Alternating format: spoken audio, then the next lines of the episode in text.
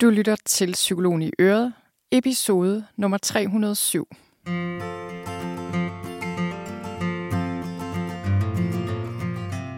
Velkommen til Psykologen i Øret. Jeg er psykologen Birgitte Sølstein, og Øret, det er dit.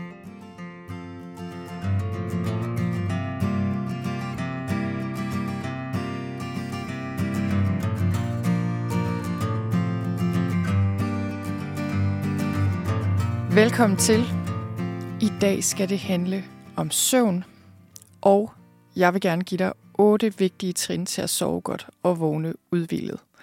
Og det tænker jeg da bare er noget, vi alle sammen har lyst til. Jeg ved i hvert fald med mig selv, at det her med at sove, det er bare alfa omega. Og det har du sikkert også konstateret, især hvis du har haft problemer med at sove. Og det er der rigtig mange af os, der har enten på grund af stress eller på grund af andre ting, jeg kommer ind på i den her episode.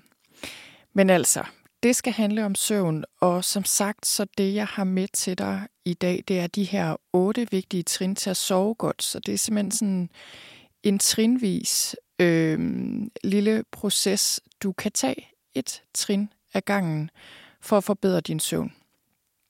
Og øh, udover det, så har jeg også en tjekliste med til dig, til det, jeg kalder det søvnfremmende soveværelse. Og så har jeg også en værktøjskasse, som er gratis. Altså alt det her er jo gratis, fordi du kan lytte til den her podcast øh, ganske gratis. Men den her værktøjskasse er også gratis, og den har jeg samlet til dig inde på, øh, på min hjemmeside i noterne til den her podcast-episode, så du kan hoppe ind og se det der.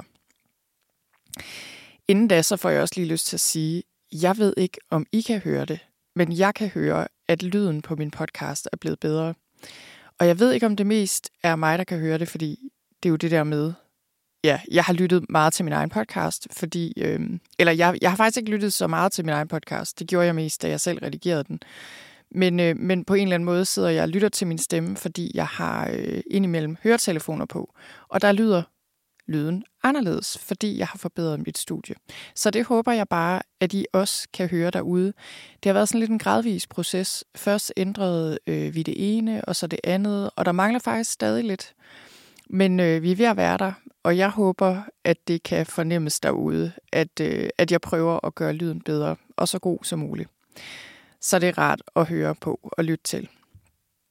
Nå, men søvn.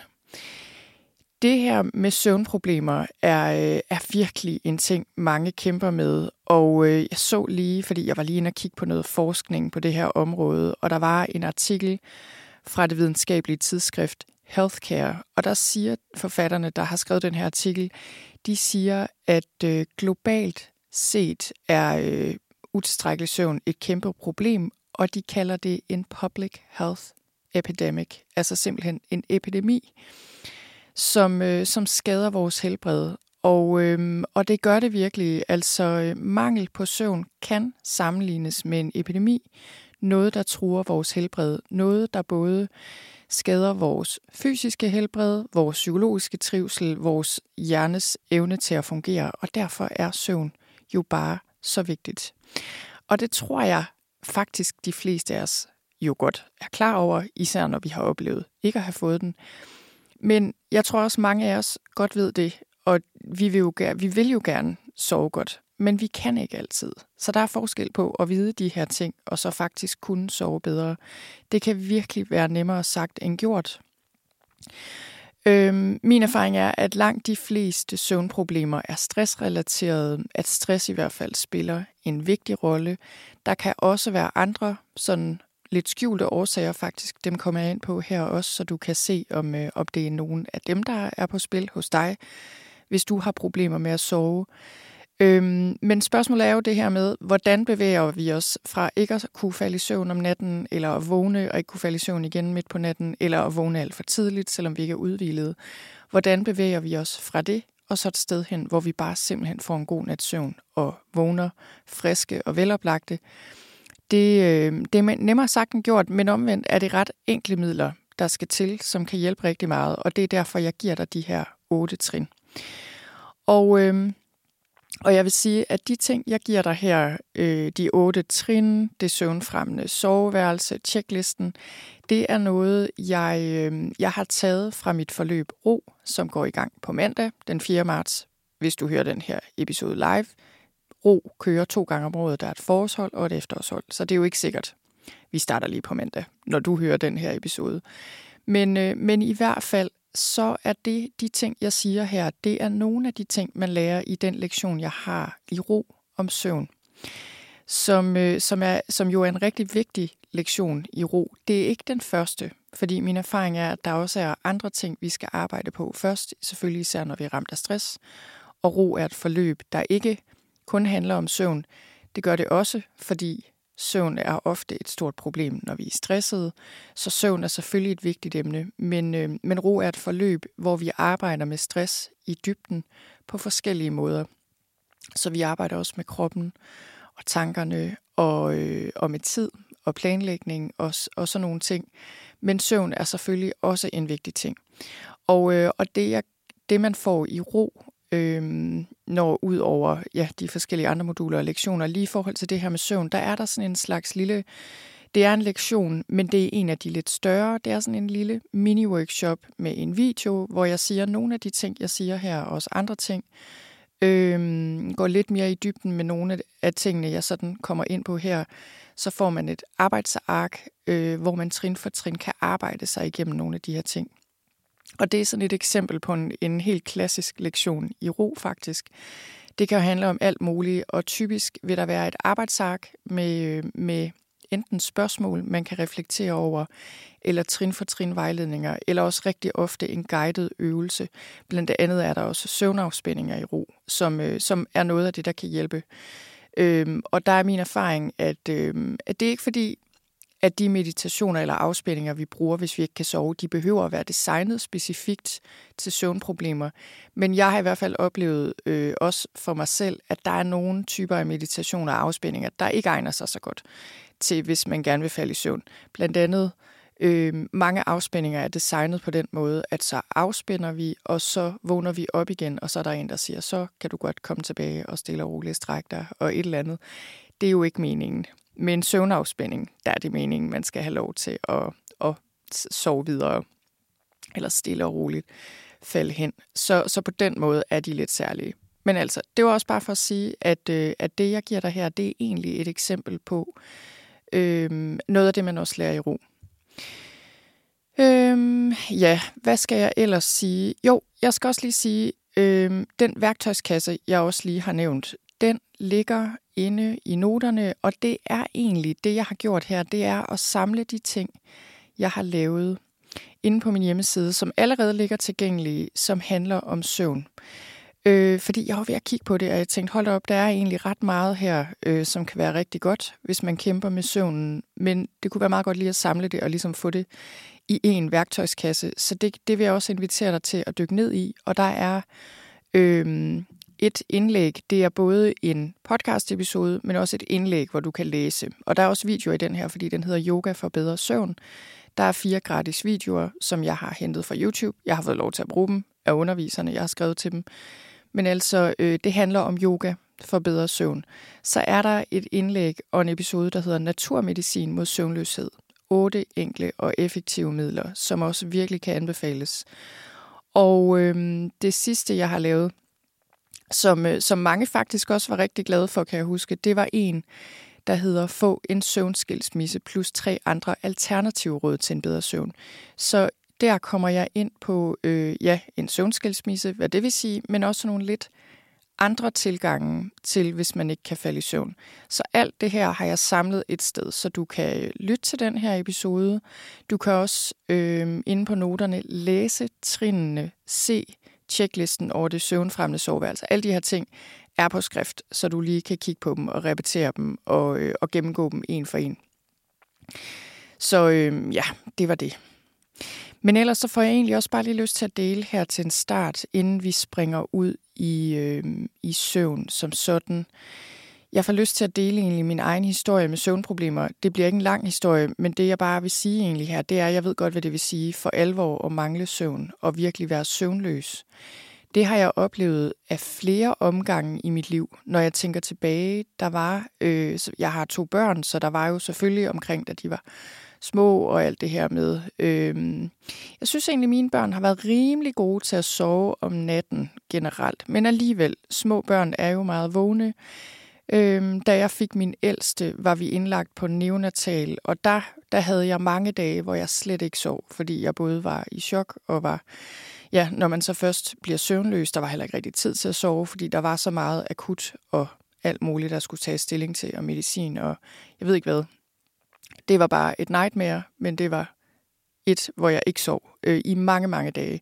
Til sidst blev jeg nødt til at få øh, noget indslumringsmedicin, sådan som jeg husker det, for ligesom at få knækket den kode. Og jeg, jeg husker det faktisk nærmest, som om det er dårligt nok hjælp. Men altså, før eller siden kom jeg jo til at sove, fordi jeg sover fint nu. Øh, og sov egentlig fint nok øh, efterfølgende i min barsel. Så godt som man nu sover, når man har en baby.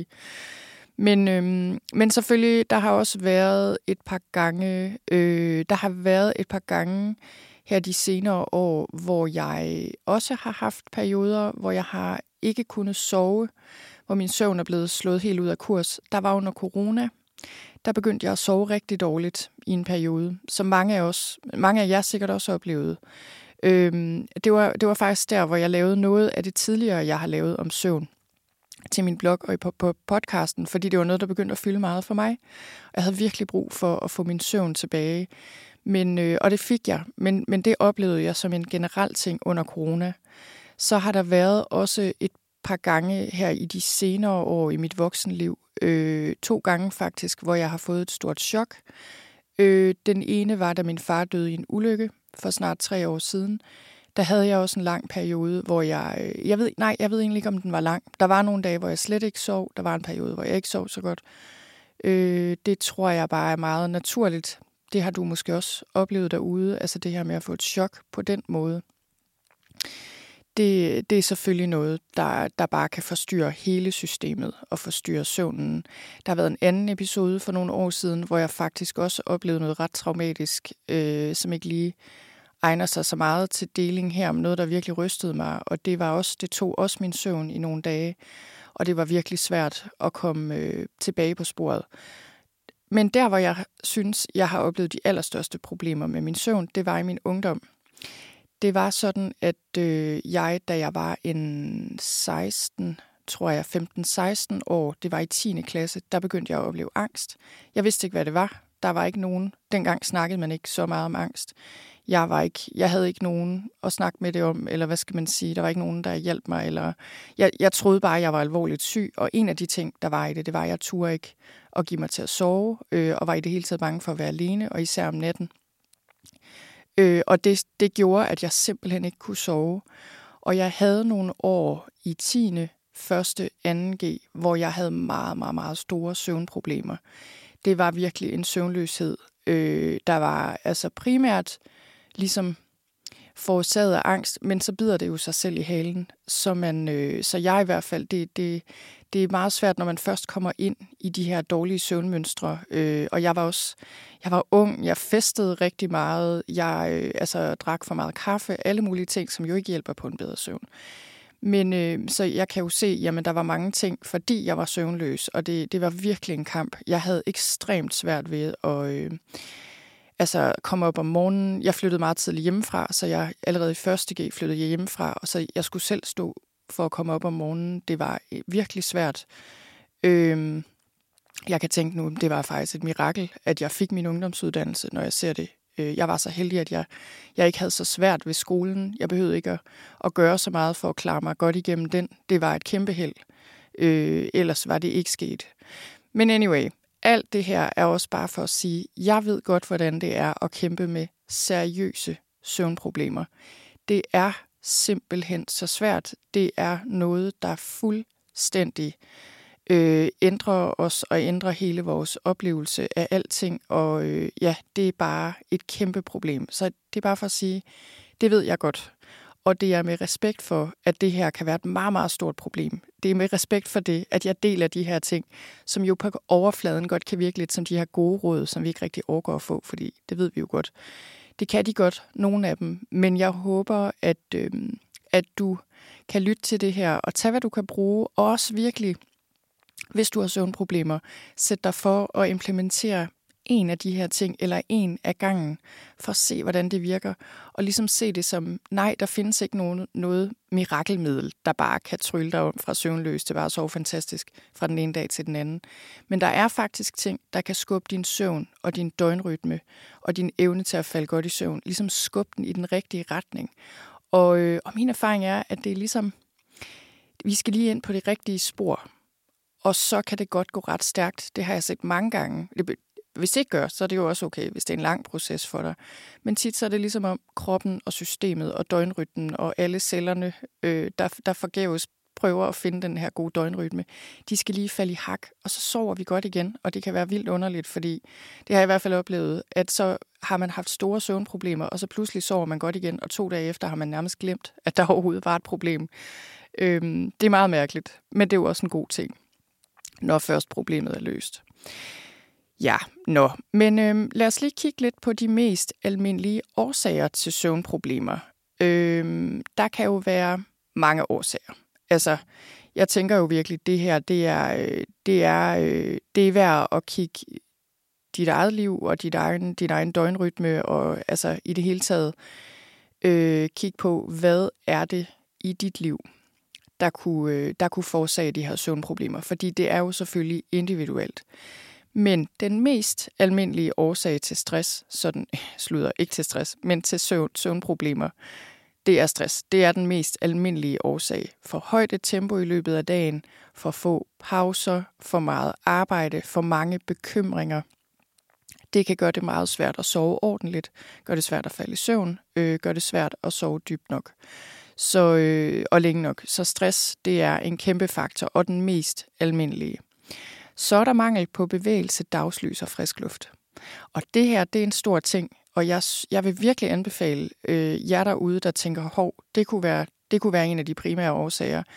Virkelig, og, øh, og simpelthen få noget dagslys. Gå en tur først på dagen. Drik morgenkaffen udenfor. Tag dine telefonsamtaler eller møder på arbejdet udenfor og, og først og fremmest få noget bevægelse. Jeg kan huske under corona, da jeg havde de her søvnproblemer, der øh, var der en, der sagde til mig, at du skal gå en tur på en halv time hver dag. Minimum. Fordi på det tidspunkt var det også sådan, okay, det, altså der er mange ting, vi ikke kunne, men vi kunne godt gå en tur udenfor. Øh, simpelthen, fordi jeg også kunne se, jamen jeg får ikke bevægelse nok, jeg bliver bare ikke træt nok naturligt. Jeg bliver træt i mit hoved, men jeg bliver ikke træt i min krop. Så bevægelse, dagslys, frisk luft. Det skal vores krop og hjerne og celler have for at kunne finde ud af at falde ordentligt i søvn og, øh, og være trætte nok til at falde ordentligt i søvn. Næste ting, som er en almindelig årsag, det er en manglende fast døgnrytme. Det er også noget, der virkelig forvirrer dine celler, og dine celler er dem, der styrer din, øh, din døgnrytme og hjælper dig med at falde i søvn, og ligesom hjælper kroppen og hjernen med at falde ind i et godt søvnmønster og en god døgnrytme. Så, så det der med at holde en fast døgnrytme, det er virkelig noget, der hjælper din krop med at lære, okay, hvornår skal jeg falde i søvn, og hvornår skal jeg være vågen. Næste almindelige årsag er forkert kost.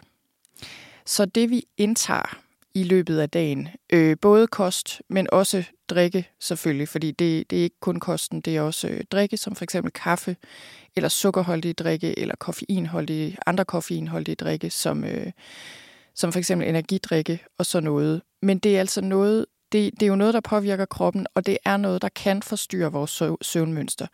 Det er jo ikke alle, det gælder for, vi er meget forskellige her.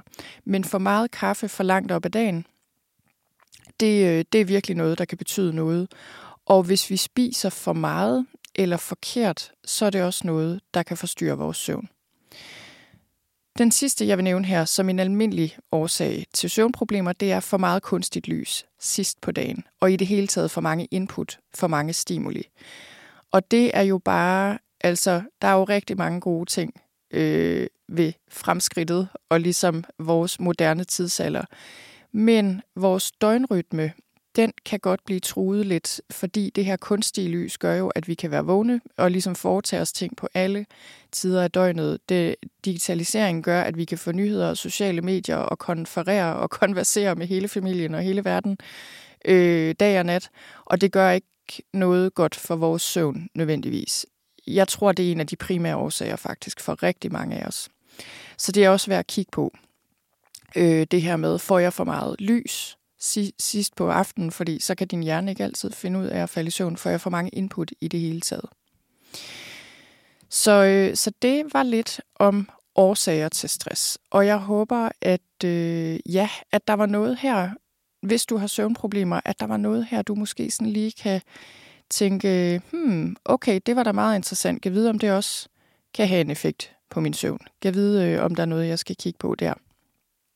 Så øh, jeg kommer sådan til at tænke på en klient, jeg havde engang i for mange år siden, øh, da jeg havde praksis i Brøndshøj faktisk. Øh, det var det første sted, jeg havde praksis som psykolog.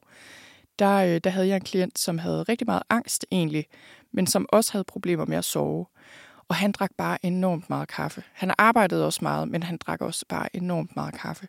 Og det var så interessant, øh, fordi da vi fik skruet ned for det, altså for kaffen, så forsvandt en meget stor del af angsten.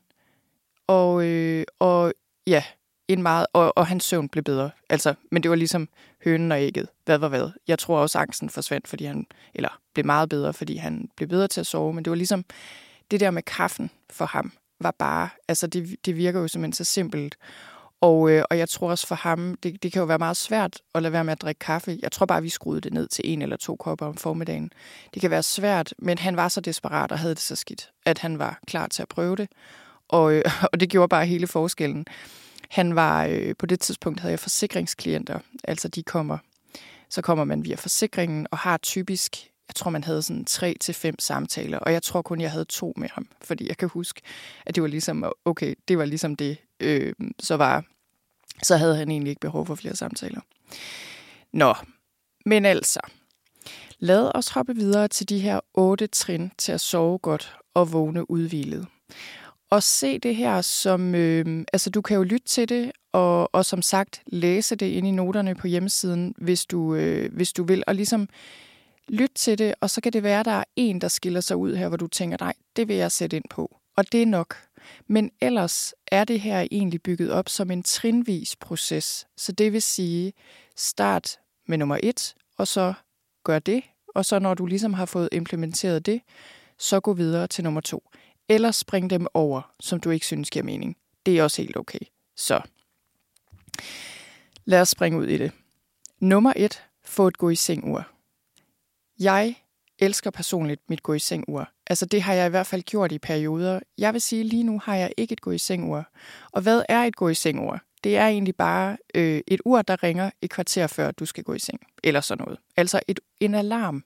Ikke et vækkeur, men et gå i seng ur. Jeg bruger det samme, fordi mit vækkeur, det kan både, det har faktisk et bed signal, altså sengesignal. Det kan man indstille sådan en, et gå i seng signal, som er noget andet end vækkeuret, men altså, det er jo meget avanceret. Øhm, det behøver det jo slet ikke at være. Det kan også være et andet ur. Du, øh, du stiller en eller anden alarm, som ringer, som minder dig om, at nu skal du gå i seng. Fordi det der med at prioritere at gå i seng til tiden, jamen det er jo ligesom forudsætningen for at kunne få en god søvn. Hvis vi ikke ligger i vores seng, så er det svært at sove godt. Så det der med faktisk rent fysisk at gå i seng og komme hen og få os, gået, altså få, få os lagt i seng til tiden, det er, det er nummer et. Nummer to, hold en fast døgnrytme. Så det her var jeg jo lige inde på, men det vil så være næste punkt, at gå i seng tidspunktet skal gerne være det samme hver dag, cirka. Altså det kan i hvert fald være intentionen. Jeg det er jo heller ikke, fordi jeg altid går i seng på samme tid. Men jeg prøver, jeg har en intention om, jeg vil gerne gå i seng. Øh, halv ti ringer mit gå i seng ur. Og det burde faktisk ringe en lille smule tidligere, fordi jeg begyndte at stå noget tidligere op. Men altså halv ti, og så vil jeg gerne i seng der, sådan, mellem halv ti og ti. Øh, men at holde en fast døgnrytme, det er så vigtigt, fordi hjernen og kroppen har brug for rytmer og kan kun lære at falde i søvn, hvis du har faste rutiner. Det, I hvert fald, hvis du har søvnproblemer, er det her vigtigt. Det kan også være, at du er en person, der bare tænker, nej, jeg sover bare, når jeg har lyst. Nogle gange om dagen, nogle gange om natten. Det gør du bare, hvis det fungerer, men ellers hold en fast døgnrytme. Og jeg vil også sige, at vi er skabt til at sove om natten og være vågne om dagen. Og ja, der er forskellige kronotyper. Det er også noget, jeg kommer mere ind på i den her lektion. Jeg underviser i ro, øh, hvor, vi, hvor vi kigger på, okay, hvilken kronotype er jeg? Kronotypen, det er, er du en natugle? Er du en morgenfilm? morgenfilm? Morgenfugl? Er du en midt imellem? Øh, du, så det kan være lidt forskelligt, hvornår det er godt for os at gå i seng, så vi faktisk følger vores egen naturlige døgnrytme. Men sådan i det store hele er det altså meningen, at vi skal have nogle timer søvn om natten og stå op igen om morgenen. Så det var nummer to. Hold en fast døgnrytme. Nummer 3. Giv dig selv en søvnmulighed på mindst 8 timer. Og nu sidder jeg jo igen og tænker, ja, jeg skal også huske at praktisere, hvad jeg selv prædiker, fordi min søvnmulighed er ikke helt det lige nu, så jeg skal have indstillet min... Øh, I den ene eller den anden ende skal jeg have gjort et eller andet, kan jeg godt lige mærke nu. Øh, men hvad, jeg, kan, jeg elsker ordet søvnmulighed. Da jeg opdagede det ord, så tænkte jeg bare, det giver mening. Fordi det tager presset af, at, vi, at det tidsrum, du ligger i sengen, det kalder vi en søvnmulighed. Og det tager presset af, at når vi skal pinedød bare sove, mens vi ligger i vores seng i de der otte timer, det behøver du ikke, men du skal give dig selv en søvnmulighed på mindst 8 timer. Det vil sige, at du skal ligge i din seng igen. Vi kan ikke forlange af os selv, at vi skal falde i søvn, hvis vi ikke er gået i seng. Så en søvnmulighed på mindst 8 timer, og ja, for nogle af jer lyder det måske af meget. I tænker, jamen det har I ikke tid til. Tro mig, du har tid til at sove i 8 timer.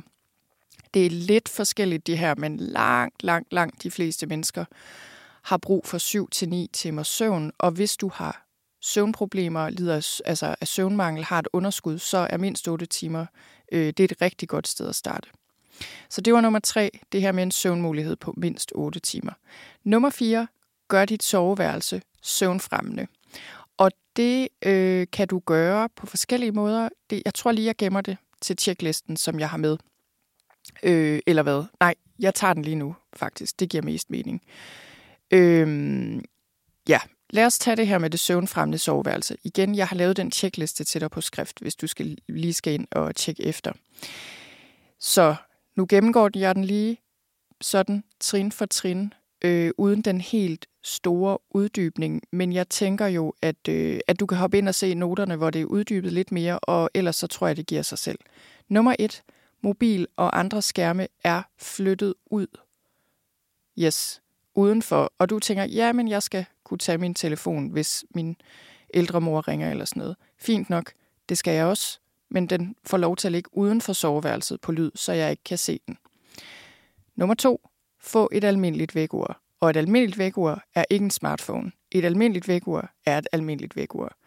Og for mig har det været en årlang proces at finde et, der er godt. Så nu, nu øh, deler jeg lige, hvad jeg har. Det er et ret lidt dyrt vækord, synes jeg. Øh, jeg. Jeg tror engang, man kan få det i Danmark. Det hedder Lofti. L-O-F-T-I-E. Jeg har købt det på Amazon. Jeg elsker mit vækkeur. Det kan både noget med lys og fuglelyde, og har nogle gode vækkelyde. Det har gå i seng signaler. Jeg ved ikke hvad. Det er ikke verdens billigste vækkeur, men jeg er vildt glad for det. Og jeg havde et andet fra Arne Jacobsen, som jeg også synes, altså så dyrt var det heller ikke, men altså igen ikke. Arne Jacobsen, det koster noget, som jeg synes var vildt flot. Problemet var bare, at hele familien fik et chok, når det ringede. Det fungerede ikke. Så nu bruger jeg det mere til pynt på mit kontor. Øhm, nå, men altså, nummer to, få et almindeligt vækkeur. Ud med alle de der forstyrrelser og kunstigt lys og alt muligt. Nummer tre, ryd op. Væk med rod og vasketøj. Og jeg mener det seriøst. Ryd op i dit soveværelse. Jeg ved godt, det kan godt være, at du skal afsætte en hel weekend, eller hvad ved jeg, en hel uge til det, hvis det er meget rodet. Vores soveværelse kan også godt rode, men jeg har det sådan, jeg nægter at sove sammen med vasketøj. Nogle gange ligger der alt muligt i vores øh, soveværelse. Hvis jeg ikke har tid til at rydde op, så tager jeg det hele og lægger det ud i gangen. Jeg hader soverod, øh, og, det, og jeg tror virkelig på, at det er noget, der kan fremme søvnen øh, af forskellige årsager. Men altså, ud med rod og vasketøj. Og jeg vil også sige, hvis jeg lige skulle komme med sådan en lille uddybende kommentar her, som nok mere er en personlig præference. Jeg vil heller ikke have noget under sengen. Jeg vil ikke have rod eller kasser eller alt muligt under min seng. Væk med, væk med det. Frisk luft, fri passage. Øh, så der ikke er noget, der, der ligesom ruder. Nummer 4. Hold soveværelset køligt og friskt om natten. Det her er en vigtig ting. Det er bedst at sove i kølige temperaturer. Øh, det er rigtig sundt, rigtig godt. Det fremmer en god søvn. Nummer 5, som er den sidste. Undgå skarpt lys ved sengetid. Ha' dæmpet lys ved sengen. Så det her, det er virkelig også en ting. Det der med at have en god natlampe. Øh, jeg kan også rigtig godt lide starinlys, men det er sådan lidt... Jeg, jeg kan nogle gange have det sådan... Og det er fint nok, hvis jeg bare lige skal læse lidt, men det er også... Det kan også blive lidt for anstrengende for øjnene. Øh, der er også nogen, der ikke så godt kan lide det der med røgen fra sterinlys. Det går jeg ikke så meget op i. Men øh, om ikke andet, have et blødt lys ved sengetid, øh, hvis du overhovedet skal have lys. Okay, så øh, der er jo mange andre ting, man kan gøre for at fremme øh, og, gør, og ligesom gøre soveværelset søvnfremmende. Det kan være, nu hvor jeg har delt den her korte liste med fem vigtige ting, så kan det være, at der er andre ting, der popper op hos dig, hvor du tænker, oh, det var en ting, jeg også skulle gøre i forhold til indretningen, eller måden, jeg bruger mit soveværelse på, eller mine vaner, eller et eller andet. Men altså, det var, øh, det var nummer fire på vores liste, vi er i gang med her, med de otte vigtige trin. Så det var det her med det søvn, søvnfremmende øh, soveværelse. Så kommer vi til nummer fem. Gør din aften søvnfremmende. Så det her handler om, at den sidste times tid helst skal være afslappende, rolig, ikke for meget kunstigt lys, undgå hård træning. Altså, i hvert fald hvis du er stresset ved at sige, at jeg har søvnproblemer. Min mand, han kan træne hårdt, cykle mega langt, eller være i fitnesscenteret, eller et eller andet til klokken halv 11 om aftenen, og så gå hjem og sove efter 5 minutter. Det vil jeg aldrig kunne. Men han er så heller ikke særlig stresset. Øh, men, og det er jeg egentlig heller ikke. Men min krop fungerer bare sådan, og det tror jeg langt de fleste gør at vi kan ikke træne mega hårdt, eller arbejde helt vildt, eller hvad vi nu gør, øh, have gang i alt muligt, og så bare gå hjem og fem minutter efter forlange af kroppen og hjernen, at så skal vi bare falde i søvn. Så det der med at lave ting, der vækker hjernen for meget, det skal vi undgå. Så hvad kan vi så gøre? Jamen det tror jeg igen er meget forskelligt, men sådan noget som at læse lidt, øh, snakke med familien, sidde i sofaen, lytte til noget musik, øh, skrive dagbog, øh, lave noget yoga, et eller andet, strikke måske. Det kan også godt være, at du kan se film. Det, øh, jeg vil anbefale, at du ikke ser film helt op til sengetid, fordi det der med også at lukke lidt ned for input, så dit sind og din hjerne kan få lov til lige at drosle ned, og sådan offloade, det, øh, det er en vigtig ting. Men kig din aften efter i sømne, er den søvnfremmende den sidste del af aftenen. Nummer 6. Bevæg dig nok i løbet af dagen. Så det var tilbage til det her med gåturen, og det her med i det hele taget at få bevæget os nok. Mange sover dårligt, fordi de er mentalt overstimuleret og fysisk understimuleret. Og det kan jeg også skrive under på. Hvis ikke jeg er opmærksom på det, så kan jeg havne, øh, så kan jeg ende med at være for stillesiddende i løbet af en dag. Og det er virkelig noget.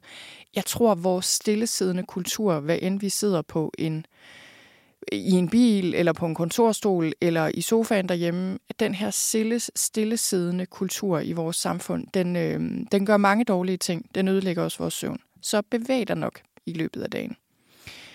Nummer syv. Undgå koffein og sukker efter frokost, og drop alkohol helt i en periode. Det der med alkohol var i en periode. Så, så igen, det er så forskelligt med kaffe. Og, og der er jo koffein i andre ting end kaffe, for eksempel sort te øh, og, og koffeinholdige drikke. Så, så vi er meget forskellige. Kaffe har en halveringstid i kroppen, altså det der med, hvor lang tid tager det, før stoffet forsvinder. Vores halveringstid er meget, meget individuel. Hvis jeg drikker kaffe efter frokost, så kan jeg bare mærke, at jeg har det i kroppen. Selvom jeg er træt, så kan jeg ikke falde i søvn. Og jeg kan også bedst bare drikke en kop kaffe om formiddagen. Det fungerer fint. Mere end det øh, påvirker som regel min søvn. Så er der dem, der bare kan drikke en kop kaffe og gå lige i seng alligevel. Øh, jeg vil sige, jeg vil mene, at dem, der gør det, de har ikke så dyb en søvn, fordi det kaffe påvirker os, eller koffein påvirker systemet og udløser nogle hormoner, der bare øh, der forhindrer os i at få den dybe søvn. Men altså, det var det her med kaffe. Drop det, eller undgå det øh, efter frokost. Det samme med sukker. Sukker sætter også gang i systemet, og det, øh, og det er virkelig noget, som øh, hvis du har søvnproblemer, det der med at droppe sukker om eftermiddagen og især om aftenen, det kan gøre en stor forskel. Så var der det her med alkohol. Og jeg tror, det her er jo lidt øh, kontroversielt også, tror jeg, fordi alkohol er en almindelig del af vores kultur. Jeg tænker jo, jeg drikker også selv et, glas, et glas vin en gang imellem, eller et glas champagne eller noget. Det er slet ikke det. Men alkohol generelt er ekstremt usundt for os. Det efterhånden er der mere og mere forskning, der peger på, at selv små mængder alkohol altså, øh, er, er skadelige for os, simpelthen. Og det kan virkelig ødelægge søvnen. Og problemet er jo det der med, for nogle mennesker i hvert fald, der dulmer det lige, og det får os lige til at slappe af i første omgang, og derfor kan vi føle os fristet til at tage et glas vin øhm, til aftensmaden, eller når vi kommer hjem, hvilket også er okay. Men hvis du har søvnproblemer, så kig på dine alkoholvaner, og se, om, øh, om du ikke skal droppe alkohol i en periode. Og så vil jeg jo også sige, hvis ikke du kan droppe alkohol, så, øh, så er det også værd lige at, at tjekke op på det og kigge lidt indad og sige, okay, jamen, hvordan er det, jeg bruger alkohol? Hvor meget alkohol er det lige præcis, jeg har i min dagligdag? Har jeg et problem, som der skal kigges på? Fordi det er der mange af os, der har i Danmark. Øh, hvad end det er sådan et funktionelt hverdagsmisbrug eller, eller, eller et større misbrug, men der er rigtig mange af os, der drikker alt for meget og har svært ved at lade være. Nå, nummer 8, sidste på listen, få nok sollys i løbet af dagen. Så øh, det her med lys, det er vigtigt. Dagslys er fuldstændig essentielt for, at din krop og dine celler kan forstå, hvornår de skal falde i søvn. Og det, der er så interessant, det er, at hvis du skal indstille din krop til at kunne sove om aftenen, så er det vigtigt, at du får dagslys først på dagen.